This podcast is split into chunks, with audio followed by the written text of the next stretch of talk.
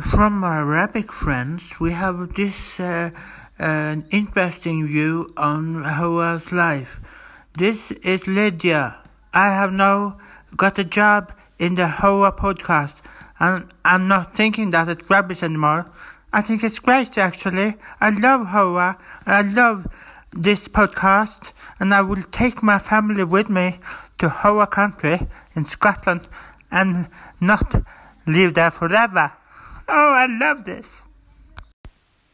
Hello and welcome to another episode of the Hoa story of Whole Hoa Lamal Soul. Where I driver from the Frederick Fan Club of the Frederick Fan Club of Hoa is uh, located in Ramallah and we'll, uh, will interview will Willow the way color brother. Veldig mange mennesker hadde kommet sammen til Ramallah for å høre Hoa synge en sang. Han kom ikke og dukket ikke opp. Det ble store tumulter. Veldig mange mennesker veltet over ende. En bowlingkule ble sendt nedover en gate, så flere tumlet sammen som bowlingkuler, som rundt et bål. Det var virkelig ille, helt til hun viste seg på hotellvinduet klokka 9.45 om morgenen og vinket.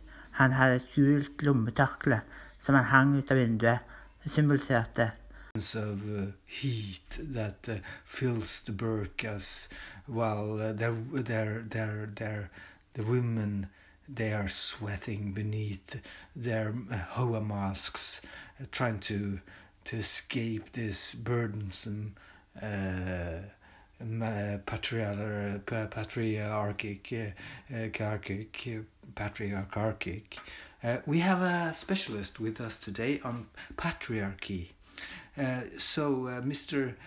Panduza from the Canadian University of Newfoundland how do you explain this fascination for Hoa in the Arabic community, in the Arabic spring, in the Arabic world, so to speak, from Morocco to Somalia? There are a Hoa belt, they call it, through Sahara, through the desert, through the rivers and uh, the, of Babylon and and uh, and hey, in the rivers of Babylon, and through there there are some hoa, hoa, hoa. You hear it all the way hoa, hoa, hoa with their with their with their chanting uh, beneath their the, their their sandy, foggy, uh, foggy eyes that drools like like saliva. You know, Ho had a lot of saliva when he was a kid. You know, every time he spoke, he he he, he just he just jumble jumbo jumbo jelly. It was jelly coming out of his mouth. You know, and then this this jelly they they have created a, a sort of a, a sort of a ice cream in Saudi Arabia uh, they developed it from from the saliva from Hoa's uh, mouth. Thank you, uh, Professor uh, uh, Joe Miller from the University of Newfoundland. Uh, we haven't got time for anything more today, so just call it a day and say see you next time or next week.